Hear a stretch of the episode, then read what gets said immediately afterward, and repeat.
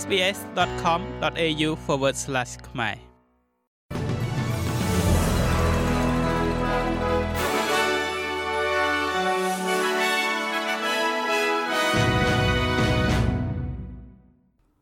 សូមស្វាគមន៍មកកាន់នេតិព័ត៌មានខ្លីៗរបស់ SBS ខ្មែរសម្រាប់ថ្ងៃអង្គារទី20ខែកុម្ភៈឆ្នាំ2024រដ្ឋមន្ត្រីក្រសួងការពារជាតិអូស្ត្រាលីលោក Richard Marles បានប្រកាសថា កងនាវាចរលើផ្ទៃទឹករបស់កងទ័ពជើងទឹកនឹងមានទំហំធំជាងមុនទ្វេដង គឺរហូតដល់ទៅ26គ្រឿងដោយអូស្ត្រាលីទិញនាវាចម្បាំងតូចៗបន្ថែមទៀតនិងបង្កើនសមត្ថភាពវាយប្រហាររបស់នាវាធំៗក្រោមខ្ទង់ចំណាយ54,200លានដុល្លារនៅក្នុងរយៈពេលមួយទសវត្សរ៍ក្រោយទឹកប្រាក់បន្ថែមចំនួន11,100លានដុល្លារនឹងត្រូវបញ្ចូលទៅក្នុងកងនាវាចម្បាំងរបស់ប្រទេសអូស្ត្រាលី ដែលគ្របដណ្ដប់ទៅលើការទិញនាវាចម្បាំងសម្រាប់គោលបំណងទូទៅថ្មីចំនួន11គ្រឿងលោក Males និយាយថាការទិញយកកងប្រយុទ្ធលើផ្ទៃទឹកក៏នឹងត្រូវបានពន្លឿនក្រោមផែនការថ្មីនេះផងដែរ។នៅឯប្រទេសរុស្ស៊ីវិញស្ត្រីមេម៉ាយដែលជាភរិយារបស់មេដឹកនាំគណៈបកប្រឆាំងរុស្ស៊ីលោក Alexei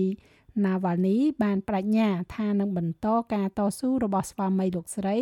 ដើម្បីទទួលបាននូវការដោះលែងរុស្ស៊ី ការស្លាប់របស់លោក Navalny បានឆក់យកមេដឹកនាំប្រឆាំងដ៏ល្បីបំផុតមួយរូបរបស់រុស្ស៊ីខណៈដែលលោកប្រធានាធិបតី Vladimir Putin ត្រៀមរៀបចំសម្រាប់ការបោះឆ្នោតដែលនឹងរក្សារូបលោកឲ្យកាន់អំណាចរហូតដល់យ៉ាងហោចណាស់ឆ្នាំ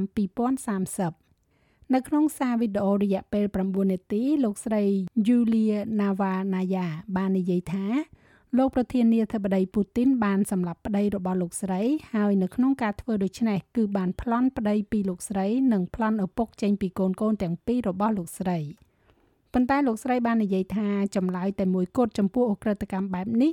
គឺដើម្បីបន្តការតស៊ូរបស់ស្វាមីដែលបានស្លាប់ទៅ ដើម្បីសេរីភាព និងវិបុលភាពនៃប្រទេសរុស្ស៊ីអ្នកនាំពាក្យវិមានក្រមឡាំងលោក Dmitry Peskov បានបដិសេធចំពោះការជាប់ពាក់ព័ន្ធ របស់រដ្ឋាភិបាលរុស្ស៊ីនៅក្នុងការស្លាប់របស់លោក Alexei Navalny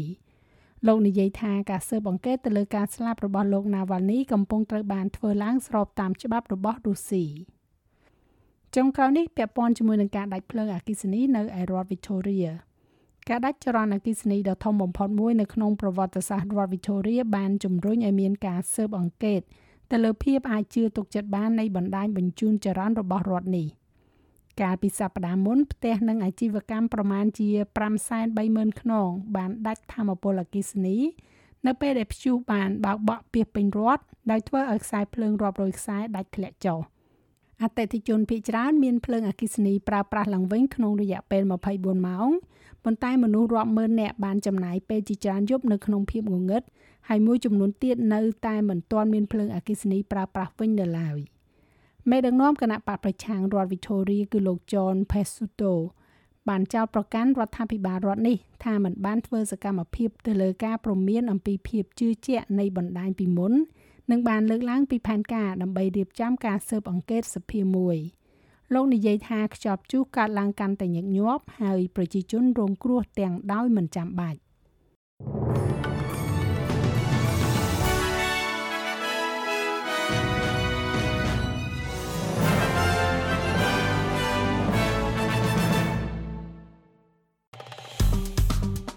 ចុច like share comment និង follow SPS ខ្មែរនៅលើ Facebook